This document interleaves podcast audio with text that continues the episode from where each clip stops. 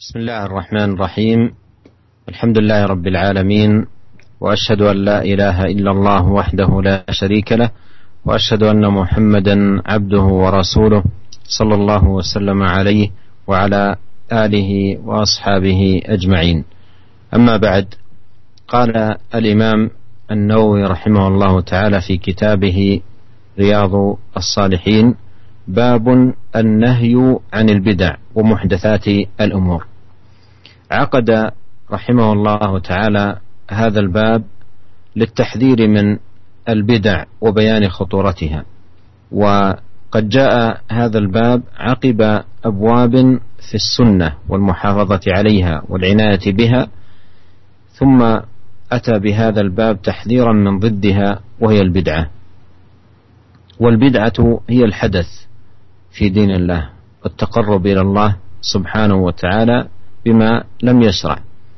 والله عز وجل كما أنه لا يقبل من العمل إلا ما كان خالصا لوجهه فإنه سبحانه لا يقبل من العمل إلا ما كان موافقا لهدي نبيه عليه الصلاة والسلام. ولأجل ذا أرسل الرسل وبعثوا إلى أممهم ليعبدوا الله وفق ما جاء به المرسلون.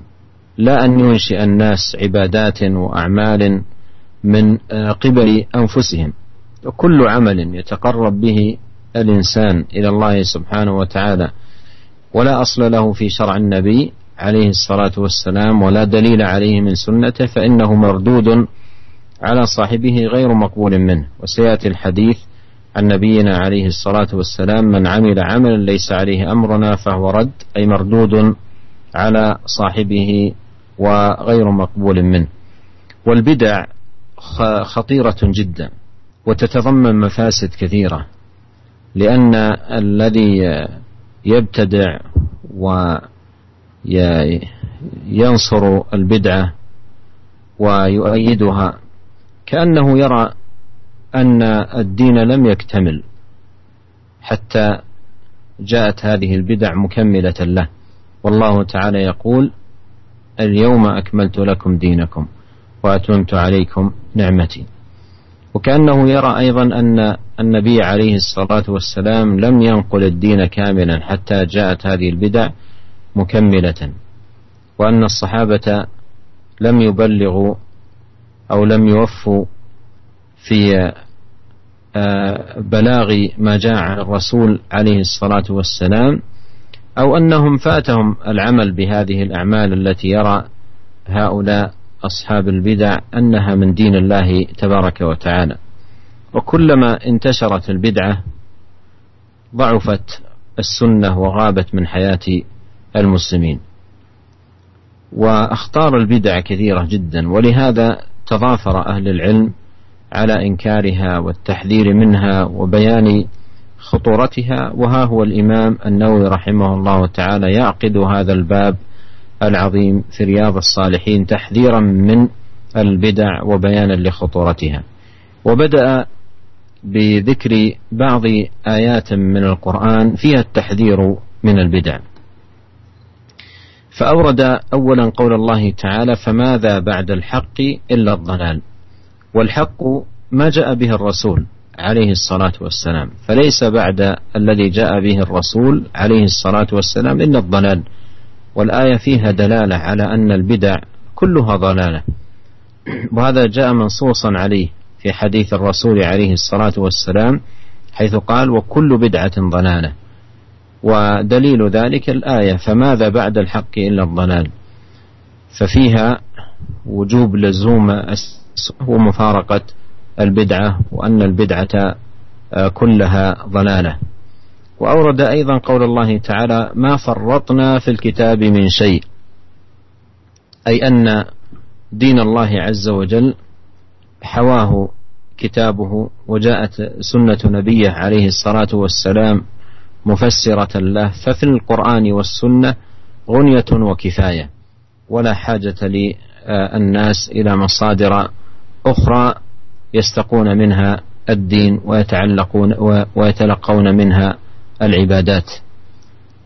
وكذلك قول الله تعالى فإن تنازعتم في شيء فردوه إلى الله والرسول أي الكتاب والسنة. وإذا ردت البدعة إلى الكتاب والسنة تبين أنها باطلة وأنها ضلالة وأنها لا أصل لها وأن الواجب تركها واطراحها والبعد عنها. وكذلكم قول الله تعالى وأن هذا صراطي مستقيما فاتبعوه ولا تتبعوا السبل فتفرق بكم عن سبيله.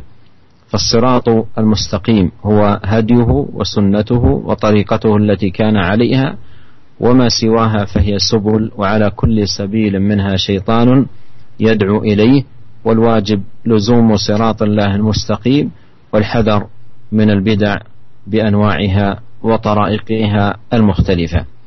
وكذلك قول الله تعالى قل إن كنتم تحبون الله فاتبعوني يحببكم الله ويغفر لكم ذنوبكم والله غفور رحيم.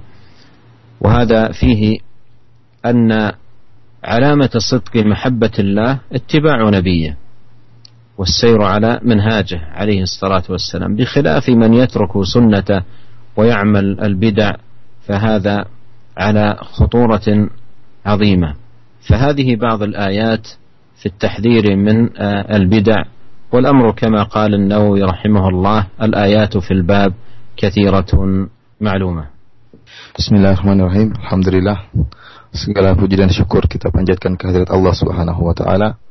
Salawat dan salam semoga senantiasa tercurahkan kepada suri teladan kita junjungan kita Nabi Muhammad sallallahu alaihi wasallam dan juga keluarganya serta seluruh, seluruh sahabat beliau tanpa terkecuali. Para pendengar yang dirahmati oleh Allah Subhanahu wa taala, uh, kita telah sampai pada bab yang berikutnya yaitu bab an-nahyi 'anil bid'ah wa muhdatsatil umur. Bab tentang larangan dari perbuatan bid'ah dan perkara-perkara yang baru dalam agama. Al-Imam Nawawi rahimahullah uh, dalam uh, kitabnya Riyadhus Shalihin membawakan bab ini larangan tentang bid'ah dan perkara-perkara baru dalam agama dalam rangka untuk mengingatkan umat dari bahaya bid'ah. Dan Al-Imam Nawawi rahimahullah membuat bab ini setelah sebelumnya beliau membuat bab-bab yang berkaitan dengan sunnah. Seperti pada bab-bab yang lalu tentang bab al-muhafadzah ala sunnah, bab tentang bagaimana menjaga sunnah Nabi Shallallahu Alaihi Wasallam dan bab tentang bagaimana ya beradab terhadap sunnah-sunnah Nabi Shallallahu Alaihi Wasallam. Kemudian beliau menyebutkan juga tentang bab untuk tunduk kepada sunnah Nabi Shallallahu Alaihi Wasallam terhadap hukum Allah dan hukum sunnah Nabi Shallallahu Alaihi Wasallam. Setelah itu beliau membuat bab ini, bab tentang uh, larangan dari perbuatan bid'ah dan perkara-perkara baru dalam agama. Dan bid'ah merupakan perkara-perkara atau ibadah-ibadah baru dalam agama yang tidak pernah disyariatkan oleh Allah dan Rasulnya. Sebagaimana Allah Subhanahu wa taala tidak menerima ibadah yang dikerjakan tidak ikhlas, demikian juga Allah Subhanahu wa taala tidak menerima ibadah yang tidak sesuai dengan syariat Allah Subhanahu wa taala. Oleh karenanya Allah Subhanahu wa taala mengutus para rasul untuk jelas menjelaskan dengan detail dan rinci syariat Allah Subhanahu wa taala agar umat manusia bisa meneladani para rasul tersebut meneladani mencontohi cara-cara ibadah yang dicontohkan oleh para rasul tersebut. Bukan mereka mengadang-adakan membuat-buat ibadah baru yang tidak dicontohkan para rasul tersebut. Buat apa Allah mengutus para rasul? Ya, kalau ternyata umat manusia ingin mengadang-adakan ibadah sendiri, ingin mengadang-adakan akidah sendiri. Oleh karenanya barang siapa yang mengadang-adakan perkara baru dalam agama, baik perkara akidah, keyakinan maupun perkara ibadah, tidak pernah dicontohkan oleh para rasul, dicontohkan oleh Rasulullah maka tertolak. Sebagaimana nanti akan kita sebutkan dalam hadis yang akan datang, di mana Nabi Shallallahu Alaihi Wasallam bersabda, "Man amila amalan laisa alaihi amruna fahuwarat." Barang siapa yang mengerjakan suatu amalan yang tidak ada contohnya dari dariku, dari kami, maka akan tertolak. Para pendengar yang dirahmati oleh Allah Subhanahu wa taala, bid'ah perkaranya sangat berbahaya.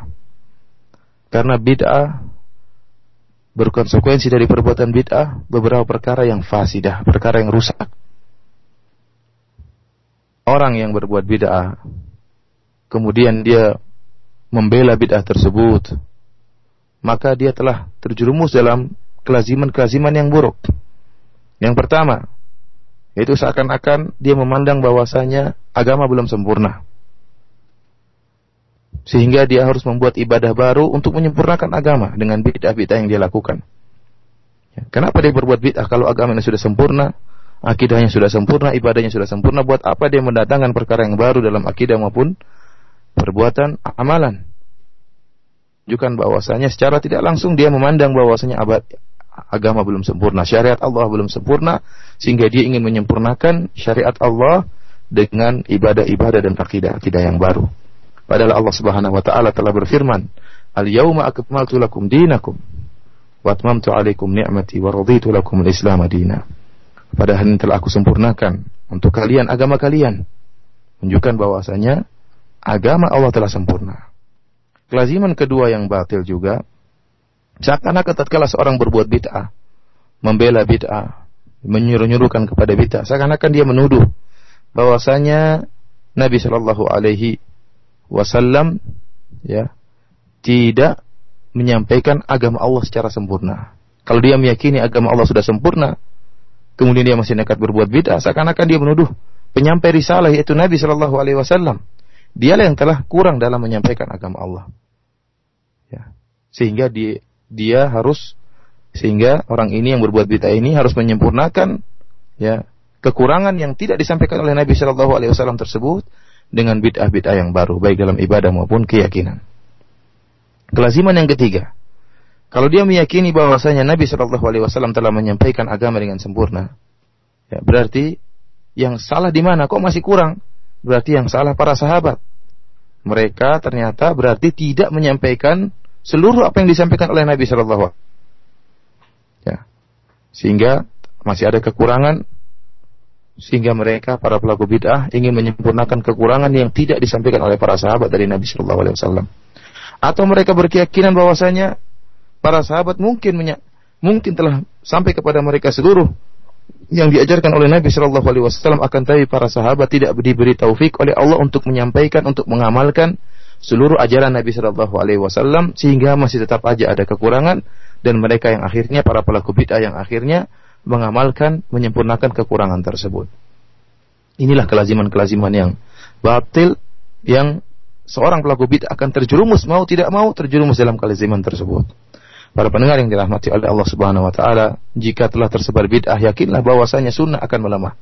Kapan saja sunnah lemah di masyarakat, praktek sunnah lemah, maka tersebar bid'ah. Akan tapi jika sunnah kuat di masyarakat, seluruh ajaran Nabi kerjakan, maka tidak ada tidak ada celah bagi bid'ah untuk masuk di dalam masyarakat. Oleh karenanya para ulama mereka ya keras dalam mengingkari bid'ah. Para imam-imam ahlu sunnah mereka keras dalam mengingkari bid'ah. Di antara para ulama tersebut adalah Al-Imam Nawawi rahimahullah dalam bab ini sebagaimana yang sedang kita bahas sekarang ini dalam kitab beliau Riyadhus Shalihin. Para pendengar yang dirahmati oleh Allah Subhanahu wa taala, sebagaimana biasa Al-Imam Nawawi rahimahullah pertama kali membawakan ayat-ayat dari Al-Quran, baru kemudian bawakan hadis-hadis Nabi Shallallahu Alaihi Wasallam. Beliau menyebutkan beberapa ayat yang menjelaskan tentang bahayanya bid'ah. Ayat yang pertama, firman Allah Subhanahu Wa Taala, "Famada ba'dal haqqi illa dhalal." Ya. Tidak ada setelah kebenaran kecuali kesesatan. Kalau setelah kebenaran tidak ada lagi setelah kebenaran kecuali kesesatan. Dan al-haq di sini kebenaran yaitu apa yang dibawa oleh Rasulullah Shallallahu Alaihi Wasallam. Oleh karenanya dalam ayat ini menunjukkan bahwasanya seluruh bid'ah itu sesat. Karena setelah tidak ada lagi kecuali kesesatan. Sunnah sudah sempurna, ajaran sudah sempurna, tidak ada setelah al-haq kecuali kesesatan. Dan ayat ini sepadan dengan sabda Nabi Shallallahu Alaihi Wasallam, wa kullu bid'atin dalalah. Seluruh bid'ah itu sesat. Oleh karenanya wajib bagi kita untuk melazimi sunnah Nabi Shallallahu Alaihi Wasallam dan menjauhkan diri sejauh-jauhnya dari bid'ah dari perkara-perkara baru dalam agama. Kemudian Al Imam Nawawi rahimahullah membawakan ayat yang kedua yaitu firman Allah Subhanahu wa taala, "Ma farratna fil kitab min syai'." Ma farratna fil kitab min syai' yaitu kami tidak uh, meninggalkan sesuatu dalam Al-Qur'an. Artinya dalam Al-Qur'an semuanya sudah lengkap yang dibutuhkan oleh manusia sudah lengkap disertai dengan penjelasan Al-Quran yaitu sunnah-sunnah Nabi Shallallahu Alaihi Wasallam. Oleh karenanya eh, cukup bagi kaum muslimin untuk kembali kepada dua masdar ini, dua sumber agama ini yaitu Al-Quran dan Sunnah. Dan mereka tidak butuh untuk eh, menelaah atau kembali kepada eh, sumber-sumber hukum yang lain selain Al-Quran dan Sunnah. Karena Al-Quran dan Sunnah sudah lengkap.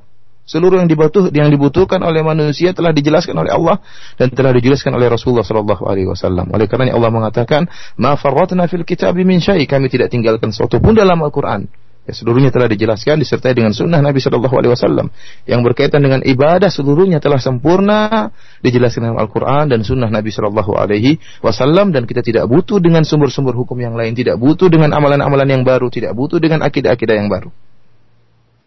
Kemudian Al-Imam Nawawi rahimahullah membawakan ayat berikutnya, "Fa fi syai'in farudduhu Rasul." Jika kalian berselisih dalam suatu perkara atau perkara apa pun, maka kembalikanlah kepada Allah dan Rasulnya. Ya. Ini menekankan ayat sebelumnya. Jadi segala perkara yang timbul perselisihan kembalikan kepada Al-Quran dan Sunnah. Sudah cukup. Tidak butuh sumber yang lain. Akan tapi kalau bid'ah kita kembalikan kepada Al-Quran dan Sunnah, kita dapati bahwasanya bid'ah sesat tidak ditunjukkan oleh Al-Quran dan juga tidak ditunjukkan oleh Sunnah Nabi Shallallahu Alaihi Wasallam. Ini semakin menguatkan bahwasanya bid'ah tidak sesuai dengan Al-Quran dan Sunnah dan bid'ah seluruhnya sesat. Kemudian juga Imam Nawawi rahimahullah membawakan ayat berikutnya wa anna hadha sirati mustaqima fattabi'uhu wa la tattabi'us subula fatafarraqa bikum an sabilih. Dan ini adalah jalanku yang lurus, maka ikutilah jalan tersebut. Dan janganlah kalian mengikuti jalan-jalan selain jalanku, maka kalian akan terpisah-pisah terjauhkan dari jalanku. Dari jalan Allah Subhanahu wa taala. Para pendengar yang dirahmati oleh Allah Subhanahu wa taala, yang dimaksud dengan jalan yang lurus adalah ya jalan yang telah ditunjukkan oleh Nabi Shallallahu alaihi wasallam. Jalan yang ditunjukkan oleh sunnah Rasulullah Shallallahu alaihi wasallam. Selain sunnah Nabi Shallallahu alaihi wasallam, maka subul jalan-jalan yang sesat yang di setiap jalan tersebut ada syaitan yang menyeru, mengajak orang, mengajak orang untuk ikut dalam jalan-jalan yang sesat tersebut. Oleh karenanya seorang muslim hendaknya menjauhkan dirinya dari segala model bid'ah dan jalan-jalan kesesatan bid'ah yang ada karena jalan-jalan bid'ah sangat banyak dan selalu ada orang yang menyeru, syaitan-syaitan yang menyeru agar menjerumuskan manusia ke dalam jalan-jalan bid'ah tersebut. Hendaknya kita menjauhkan diri dari segala bentuk jalan-jalan bid'ah. Kemudian Al-Imam rahimahullah membawakan ayat berikutnya yaitu ayat yang terakhir yang beliau bawakan. Allah Subhanahu wa taala berfirman, "Qul in kuntum tuhibbunallaha fattabi'uni yuhibbukumullah wa yaghfir lakum dzunubakum." Katakanlah jika kalian memang cinta kepada Allah, maka ikutilah aku yaitu Rasulullah sallallahu alaihi wasallam.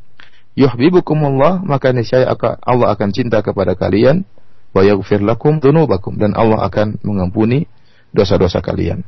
Ayat ini menjelaskan tentang cinta yang benar, ya. Barang siapa yang mengaku cinta kepada Allah dan mengaku cinta kepada Rasulullah SAW, maka harus mendatangkan bukti dan bukti cinta yang benar adalah mencontohi sunnah Nabi Shallallahu Alaihi Wasallam. Hal ini berbeda dengan kondisi orang-orang yang melakukan bid'ah, mereka mengaku cinta kepada Nabi, tapi justru mereka jauh dari sunnah Nabi Shallallahu Alaihi Wasallam. Justru mereka membuat ajaran-ajaran baru, amalan-amalan baru yang tidak pernah dicontohkan oleh Rasulullah Shallallahu Alaihi Wasallam. Inilah sebagian ayat yang disebutkan oleh Imam Nawawi, akan tapi masih banyak ayat yang lain kata Imam Nawawi rahimahullah, wal ayatu fil babi kathiratun ma'lumah. Dan ayat-ayat yang berkaitan dengan bab ini uh, banyak dan telah diketahui.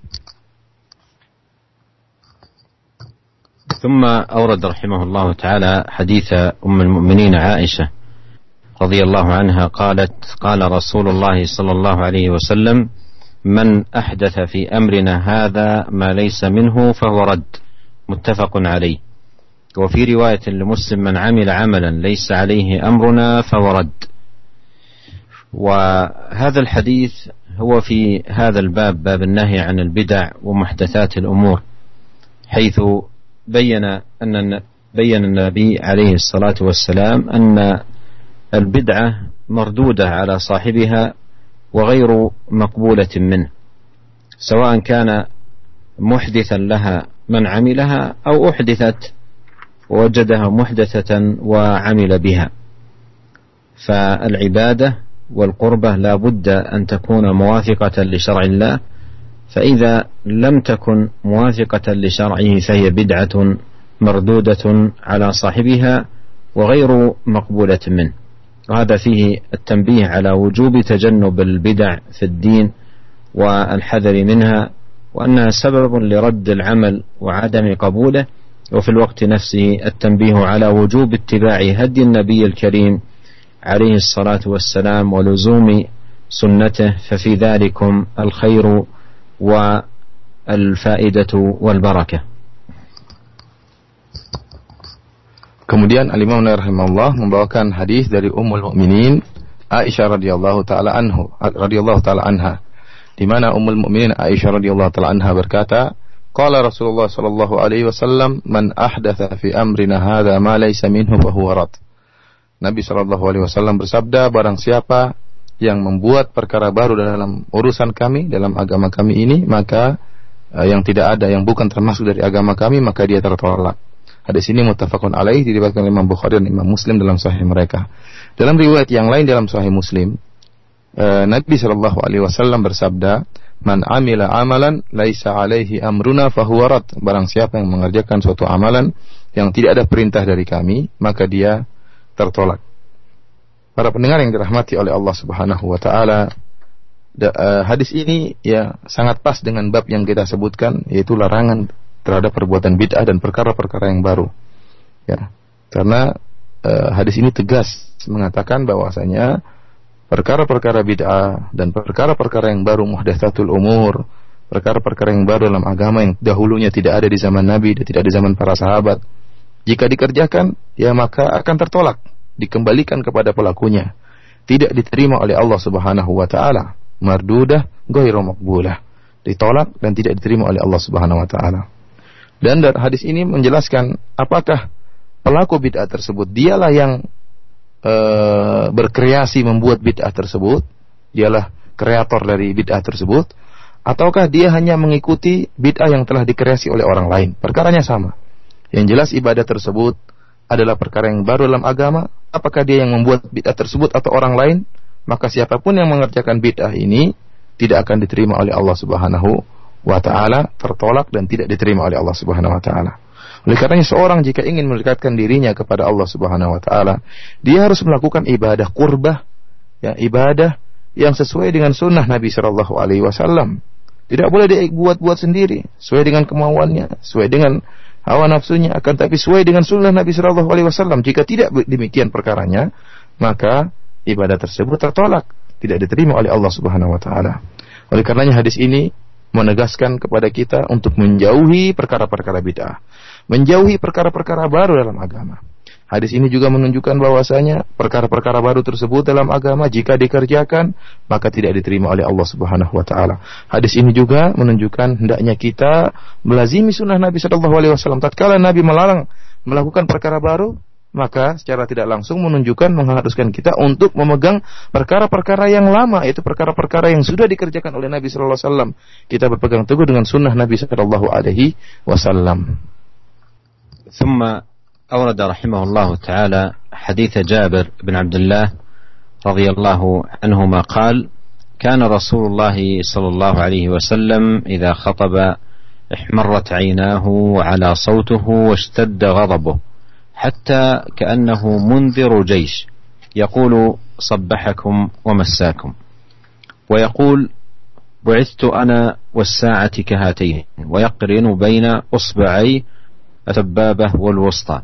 ويقول أما بعد فإن خير الحديث كتاب الله وخير الهدي هدي محمد صلى الله عليه وسلم وشر الأمور محدثاتها وكل بدعة ضلالة ثم يقول أنا أولى بكل مؤمن من نفسه من ترك مالا فلأهله ومن, ومن ترك دينا أو ضياعا فإلي وعلي رواه آه، مسلم. وعن العرباض بن السارية رضي الله عنه حديثه السابق في باب المحافظة على السنة.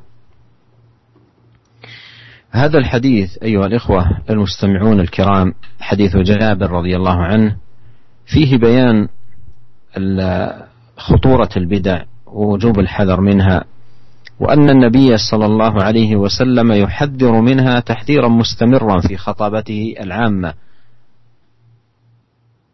وهذا فيه الدلالة على خطورة البدع ووجوب تحذير الناس منها ونهيهم عنها. يقول جابر رضي الله عنه كان رسول الله صلى الله عليه وسلم إذا خطب أي الناس احمرت عيناه وعلى صوته واشتد غضبه. وهذا من كمال نصحه وعظيم حرصه عليه الصلاة والسلام. يعلو صوته ويشتد غضبه وتحمر عيناه. نصحا وحرصا على الأمة وتحذيرا من آه الأمور التي فيها هلكة الناس. يقول جابر رضي الله عنه حتى كأنه منذر جيش يقول صبحكم ومساكم. منذر الجيش ما هي صفته؟ عندما يخرج رجل خارج بلدته ويرى أن جيشا كبيرا بسلاحه قد أقبل على هذه القرية. فجاء هذا الرجل إلى أهل القرية ينذرهم هذا الجيش ويبين لهم خطورته. كيف تكون صفته وهو يتحدث وهو يخبر الناس. فجابر رضي الله عنه يقول كأنه منذر جيش. ومنذر الجيش لا شك أنه يعلو صوته ويشتد الغضب وتحمر العين. كأنه منذر جيش يقول صبحكم ومساكم أي جاءكم في الصباح أو جاءكم في المساء أي الجيش. ويقول بعثت أنا والساعة كهاتين أي أن بعثته عليه الصلاة والسلام من علامات قرب الساعة ودنو قيامها وهو عليه الصلاة والسلام خاتم النبيين. ويقرن بين أصبعيه السبابة والوسطى ويقول أما بعد فإن خير الحديث كتاب الله وخير الهدى وخير الهدي هدي محمد صلى الله عليه وسلم. خير الحديث كتاب الله أي القرآن الكريم. والله يقول إن هذا القرآن يهدي التي هي أقوم ويقول لا يأتيه الباطل من بين يديه ولا من خلفه. وخير الهدي هدي محمد صلى الله عليه وسلم فهو لا ينطق عن الهوى إن هو إلا وحي يوحى. وشر الأمور محدثاتها أي المبتدعات التي لا أصل لها في دين الله فهي شر وضرر على فاعلها. وكل بدعة ضلالة وكل من صيغ العموم فلا يستثنى من البدع شيء. ولو كان يستثنى من البدع شيء لاستثناه. النبي عليه الصلاة والسلام. كان يقول كل بدعة ضلالة إلا ما كان منها كذا وكذا. لكنه أبقى هذا العموم على عمومه فأفاد أن البدع كلها ضلالة بلا استثناء وأن الحق إنما هو فيما جاء به الرسول عليه الصلاة والسلام وبلغه لأمته. ثم يقول أنا أولى بكل مؤمن من نفسه. وهذا أيضا يدل عليه قول الله تعالى في سورة الأحزاب النبي أولى بالمؤمنين من أنفسهم. وأولى بالمؤمن نفسه يفيد أنه أحرص على المؤمن من نفسه وأنصح للمؤمن من نفسه وأحق أيضا بالطاعة. فطاعته مقدمة على طاعة النفس لأنه أولى بكل مؤمن من نفسه. قال من ترك مالا فلأهله. أي ورثته. يرثونه حسب القسمة المبينة في كتاب الله سبحانه وتعالى قسمة الميراث. ومن ترك دينا أو ضياعا فإلي وعلي. من ترك دينا أي تحمل في ذمته دين للناس قال فإلي وعلي. ومن ترك ضياعا أي أولادا صغارا يخشى ضياعهم فأيضا علي أي أن النبي عليه الصلاة والسلام يتولى ذلك. وهذا أيضا من كمال آه، نصحه وحرصه. صلوات الله وسلامه على أمته وفي هذا أيضا خطورة الدين وأنه في ذمة الإنسان وأن الميت مرتهن بدينه فيجب على الإنسان أن يحذر من آه، الدين ولا يأخذ دينا إلا مضطرا ويأخذه بنية السداد والوفاء فيعينه الله سبحانه وتعالى على القضاء. الشاهد من الحديث تحذير النبي عليه الصلاة والسلام من البدع تحذيرا متكررا في خطبه عليه الصلاة والسلام وبيانه أنها كلها ضلالة. ومثله أيضا ما أشار إليه المصنف في حديث العرباض ابن سارية وقد تقدم في باب المحافظة على السنة. وفيه قال النبي عليه الصلاة والسلام عليكم بسنتي وسنة الخلفاء الراشدين المهديين من بعد تمسكوا بها وعضوا عليها بالنواجذ وإياكم ومحدثات الأمور فإن كل محدثة بدعة وكل بدعة ضلالة. وبهذا الحديث ينتهي هذا الباب باب النهي عن البدع ومحدثات الأمور. ونسأل الله الكريم رب العرش العظيم أن ينفعنا جميعا بما علمنا وأن يعيذنا جميعا من منكرات الهواء والأدواء إنه سميع الدعاء وهو أهل الرجاء وهو حسبنا ونعم الوكيل Para pendengar yang dirahmati oleh Allah Subhanahu wa taala, kemudian Al Imam Nawawi rahimahullah membawakan hadis dari Jabir bin Abdullah radhiyallahu taala anhu di mana uh, Jabir radhiyallahu taala anhu berkata, Rasulullah sallallahu alaihi wasallam jika berkhutbah ihmarat ainah maka merahlah kedua mata beliau. Wa ala sautuhu washtadda ghadabuh. Suara beliau meninggi dan uh, nampak kemarahan di wajah beliau. Hatta ka'annahu munziru jaish. Seakan-akan beliau adalah orang yang sedang memperingatkan akan bahayanya musuh yang datang. Beliau berkata sabbahakum wa massakum. Musuh akan mendatangi kalian di pagi hari atau di sore hari. Dan Nabi berkata itu ana wasa'atu kahatain. Aku diutus bersama dengan hari kiamat sebagaimana dua jariku ini kemudian Nabi Shallallahu Alaihi Wasallam menggandengkan antara dua jari jemari beliau yaitu jari telunjuk dan jari tengah. Kemudian beliau berkata, "Amma ba'du, fa inna khairal hadithi kitabullah wa khairal hadi hadi Muhammadin sallallahu alaihi wasallam." Sungguhnya sebaik-baik perkataan adalah Al-Qur'an dan sebaik-baik petunjuk adalah petunjuk Muhammad sallallahu alaihi wasallam. Wa syarrul umuri muhdatsatuha dan seburuk-buruk perkara adalah perkara-perkara yang baru dalam agama. Wa kullu bid'atin dhalalah dan setiap bid'ah adalah sesat.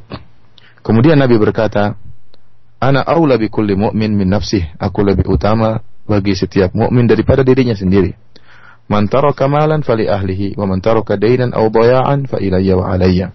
Barang siapa meninggalkan harta, meninggal dalam keadaan meninggalkan harta, maka harta tersebut untuk keluarganya. Dan barang siapa meninggal dalam keadaan meninggalkan utang atau anak-anak yang dikhawatirkan uh, tidak tidak terpelihara, maka kepadaku dan kewajibanku atasku. Hadis ini hadis yang diriwayatkan oleh Imam Muslim rahimahullah dalam sahihnya.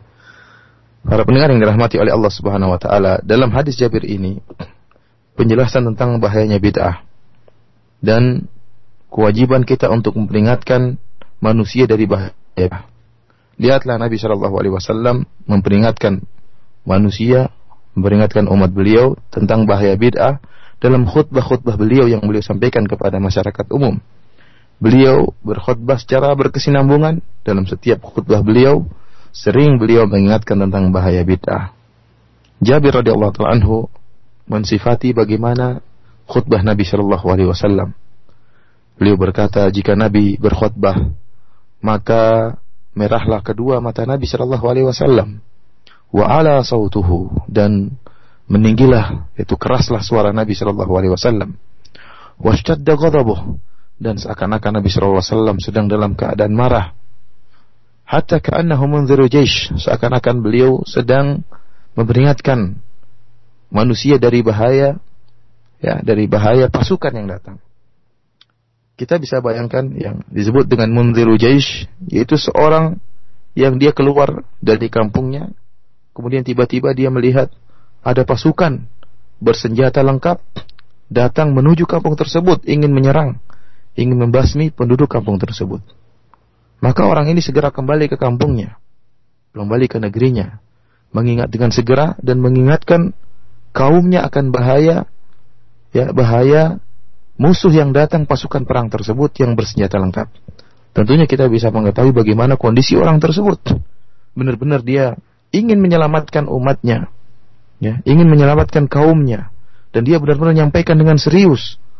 Ya, oleh karenanya di sini Jabir bin Abdullah mensifati bagaimana Nabi Shallallahu Alaihi Wasallam tatkala memperingatkan umatnya akan bahaya, ya, akan perkara-perkara yang membahayakan mereka, di antaranya perkara-perkara bid'ah. Seakan-akan Nabi Shallallahu Alaihi Wasallam sedang memperingatkan umatnya dari bahaya musuh yang akan menyerang.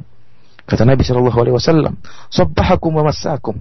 Musuh akan mendatangi kalian, menyerangi kalian di pagi hari atau di sore hari. Inilah menunjukkan bagaimana semangat Nabi Shallallahu Alaihi Wasallam dan rahmat Nabi Shallallahu Alaihi Wasallam kepada uh, umatnya. Ya, jadi uh, sifat Nabi Shallallahu Alaihi Wasallam yang merah kedua matanya, kemudian keras suaranya, seakan-akan beliau dalam keadaan uh, marah. Ini menunjukkan akan sempurnanya ya uh, semangat beliau untuk menasihati umatnya dan bagaimana uh, besarnya semangat beliau untuk memberikan kebaikan kepada umatnya dan agar umatnya terjauhkan dari perkara-perkara yang bisa membinasakan mereka. Ya, termasuk di antara yang membinasakan mereka adalah perkara-perkara bid'ah. Kemudian Nabi Shallallahu Alaihi Wasallam berkata, "Bu'istu ana wasa'atu kahataini." Sungguhnya aku diutus oleh Allah Subhanahu Wa Taala bersamaan dengan hari kiamat. Yaitu Nabi SAW adalah Nabi yang terakhir dan hari kiamat tidaklah datang kecuali di zaman Nabi Shallallahu Alaihi Wasallam. Kemudian Nabi SAW menggandengkan antara waktu diutusnya beliau dengan tibanya hari kiamat seperti digandingkannya antara jari telunjuk dengan jari tengah. Kemudian beliau sallallahu alaihi wasallam berkata, "Amma ba'du, fa inna khairal hadithi kitabullah." Sungguhnya sebaik-baik perkataan adalah Al-Qur'an. Dan ini benar sebagaimana telah dijelaskan oleh Allah Subhanahu wa taala. Allah Subhanahu wa taala berfirman, "Inna hadzal Qur'an yahdi lillati hiya aqwam." Sungguhnya Al-Qur'an ini memberi petunjuk kepada yang terbaik Kemudian Allah Subhanahu wa taala juga berfirman dalam ayat yang lain, "Ya'tihi la ya'tihi al-batilu min baini yadayhi wa la min khalfi." Al-Qur'an itu tidak akan didatangi oleh kebatilan dari depan maupun dari belakang. Al-Qur'an adalah sebaik-baik perkataan. Kemudian kata Nabi sallallahu alaihi wasallam, "Wa khairal hadi hadi Muhammadin sallallahu alaihi wasallam." Sebaik-baik petunjuk adalah petunjuk Nabi sallallahu alaihi wasallam. Rasulullah ingatkan, hendaknya kita berpegang teguh kepada sunnah. Sebaik-baik petunjuk petunjuk Nabi. Kemudian Nabi mengingatkan akan bahaya bid'ah. Kata Nabi SAW, ingat, beliau mengingatkan hal ini dengan suara yang lantang, dengan mata beliau yang merah, dalam keadaan marah seakan-akan memperingatkan umat dari bahaya musuh yang datang dengan senjata yang lengkap. Kata Nabi SAW, wa syarul umuri. Dan sebaik dan seburuk-buruk perkara adalah perkara-perkara baru dalam agama. Wa. Dan setiap bid'ah dan seluruh bid'ah adalah sesat. Para pendengar yang dirahmati oleh Allah Subhanahu wa taala, lafal kalimat atau suku kata kulla dalam bahasa Arab seluruh kalau kita terjemahkan dalam bahasa Indonesia, kulla artinya seluruh. Ini memberikan faedah keumuman, mencakup seluruh bid'ah, seluruh bid'ah seluruhnya sesat, tidak ada yang baik. Seluruh bid'ah adalah seluruhnya sesat, tidak ada yang baik. Ya. Kalau seandainya Nabi Shallallahu Alaihi Wasallam ingin mengecualikan beberapa bid'ah yang baik, tentunya Nabi akan berkata meskipun hanya sekali, Sungguhnya seluruh bid'ah itu buruk kecuali yang ini dan ini. Sungguhnya seluruh bid'ah itu buruk kecuali kalau dikerjakan demikian demikian. Tapi Nabi Shallallahu Alaihi Wasallam dalam satu hadis pun tidak pernah mengatakan demikian. Bahkan dalam hadis yang lemah pun tidak ada. Padahal kita tahu Nabi Shallallahu Alaihi Wasallam tatkala berkhutbah sering menyampaikan hadis ini. Wa kullu bid'atin. Seluruh bid'ah adalah sesat. Kalau seandainya ada bid'ah yang dikecualikan, tentunya Nabi Shallallahu Alaihi Wasallam akan mengecualikan meskipun sekali atau dua kali. Akan tapi tidak ada sama sekali riwayat yang menunjukkan Nabi Shallallahu Wasallam mengecualikan ada bid'ah yang baik. Bahkan Nabi menegaskan dalam beberapa kondisi dan sering Rasulullah SAW menyampaikan seluruh bid'ah adalah sesat. Dan kebenaran seluruhnya adalah datang dari Rasulullah Sallallahu Alaihi Wasallam. Barang siapa yang membuat ajaran baru, ajaran sendiri, eh, amalan baru yang tidak dikerjakan oleh Nabi Shallallahu Alaihi Wasallam, maka dia telah mendatangkan kesesatan. Para pendengar yang dirahmati oleh Allah Subhanahu wa taala, kemudian Nabi Shallallahu alaihi wasallam berkata, "Ana aula bi kulli mu'min min nafsi." Aku lebih utama bagi seluruh mukmin daripada dirinya sendiri. Ya, maksudnya apa? Ya, hal ini sesuai dengan sebuah ayat dalam surat Al-Ahzab di mana Allah Subhanahu wa taala berfirman, "An-nabiyyu aula bil mu'minina min anfusihim." Sungguhnya Nabi Shallallahu alaihi wasallam lebih utama kepada orang-orang beriman daripada diri-diri mereka sendiri. Maksudnya lebih utama bagaimana? Maksudnya yaitu Nabi Shallallahu Alaihi Wasallam lebih semangat untuk menyampaikan kebenaran kepada kaum mukminin daripada mereka sendiri. Nabi itu lebih semangat, lebih ingin kaum mukminin mendapatkan hidayah, mendapatkan kebenaran, menjauhkan mereka dari kesesatan daripada mereka mereka sendiri.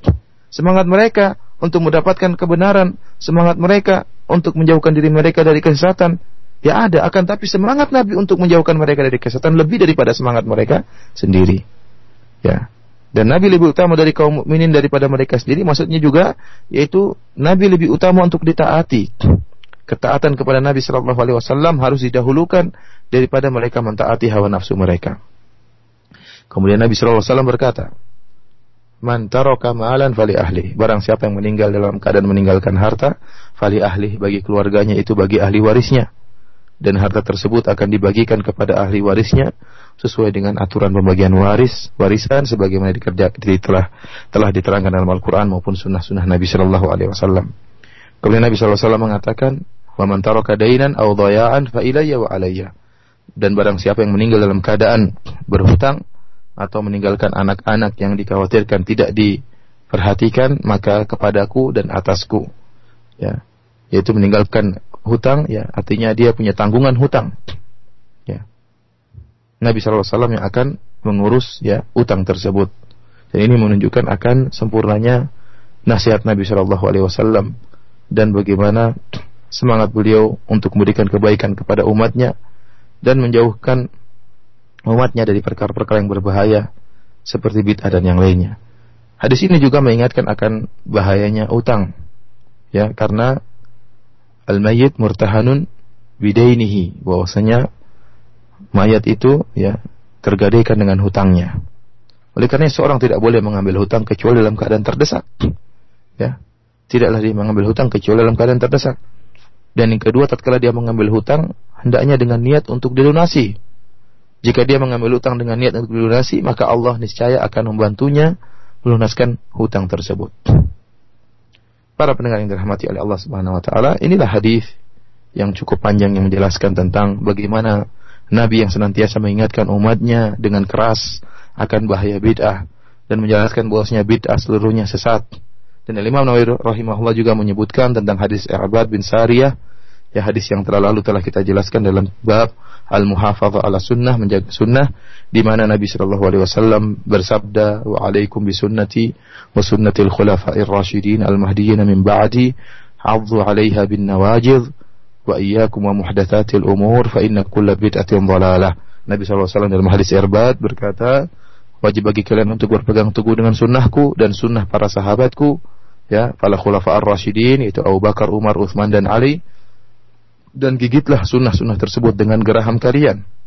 Dan hati-hatilah kalian terhadap perkara-perkara yang bid'ah, karena seluruh perkara bid'ah adalah uh, sesat. Dengan demikian kita telah uh, sampai di penghujung bab nahyu anil bid'ah, larangan terhadap bid'ah dan perkara-perkara yang baru dalam agama. Selanjutnya anak kembalikan kepada akhi Al-Karim Fawaz hafizahullah taala.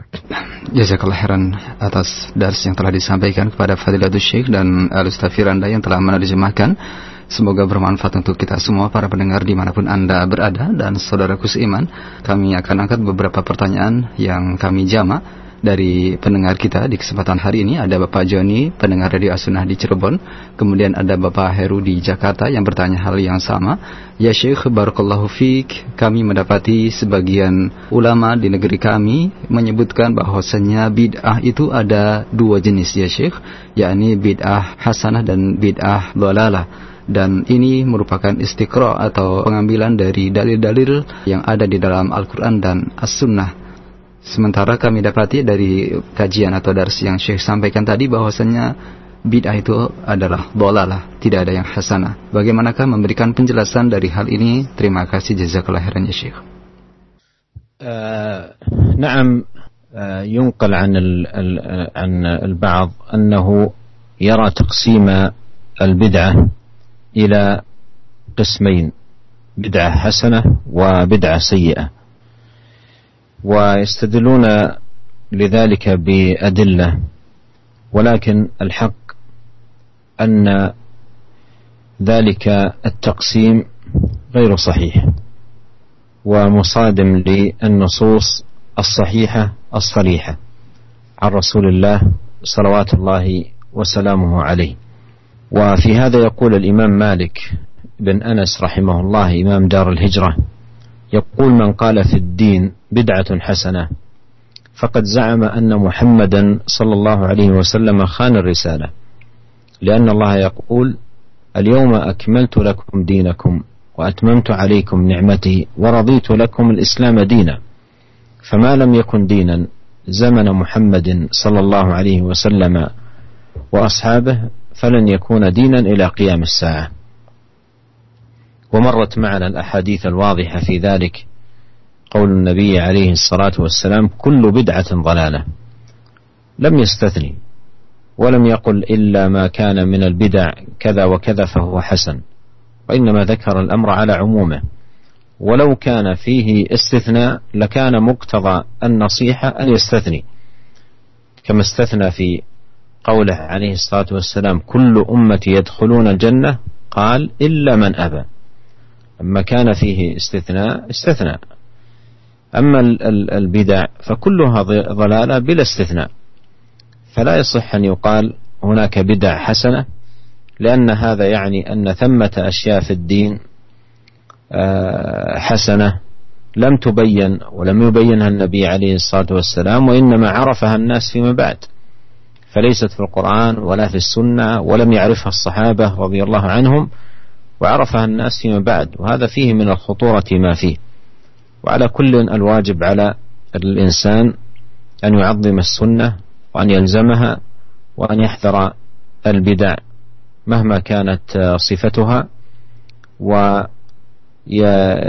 ويسأل الله عز وجل أن يوفقه للزوم السنة ومجانبة البدعة أسأل الله الكريم رب العرش العظيم أن يوفقنا جميعا لكل خير وأن يجمعنا على الحق والهدى وأن يوفقنا للزوم السنة ومجانبة البدعة إنه سميع قريب مجيب وصلى الله وسلم على عبده ورسوله نبينا محمد وآله وصحبه أجمعين والسلام عليكم ورحمة الله وبركاته وعليكم السلام ورحمة الله وبركاته جزاك الله خيرا يا شيخ Para pendengar yang dirahmati Allah Subhanahu wa taala, memang benar dinukilkan dari sebagian ulama yang memandang bahwasanya bid'ah terbagi menjadi dua, yaitu bid'ah yang baik dan bid'ah yang sesat. Dan mereka berdalil dengan sebagian dalil, akan tapi yang benar bahwasanya pembagian tersebut tidaklah benar karena bertentangan dan bertabrakan dengan nas-nas yang sahih dan soreh dan jelas. Oleh karenanya Imam Malik rahimahullah imam dari hijrah yaitu imamnya kota Madinah ya beliau berkata man qala fid din bid'atan hasanah faqad za'ama anna Muhammadan khana risalah barang siapa yang mengatakan fid din bid'atun hasanah dalam agama ada bid'ah yang baik maka dia telah menuduh bahwasanya Muhammad sallallahu alaihi wasallam telah mengkhianati risalah yaitu ada perkara yang tidak disampaikan oleh Nabi sallallahu alaihi wasallam anna Allah yaqul al-yawma akmaltu lakum dinakum wa atmamtu alaikum ni'mati wa raditu lakum al-islam madina. Karena Allah telah menyampaikan hari ini aku sempurnakan bagi kalian agama kalian. Ya, dan aku sempurnakan pula nikmatku bagi kalian dan aku ridha Islam sebagai agama kalian.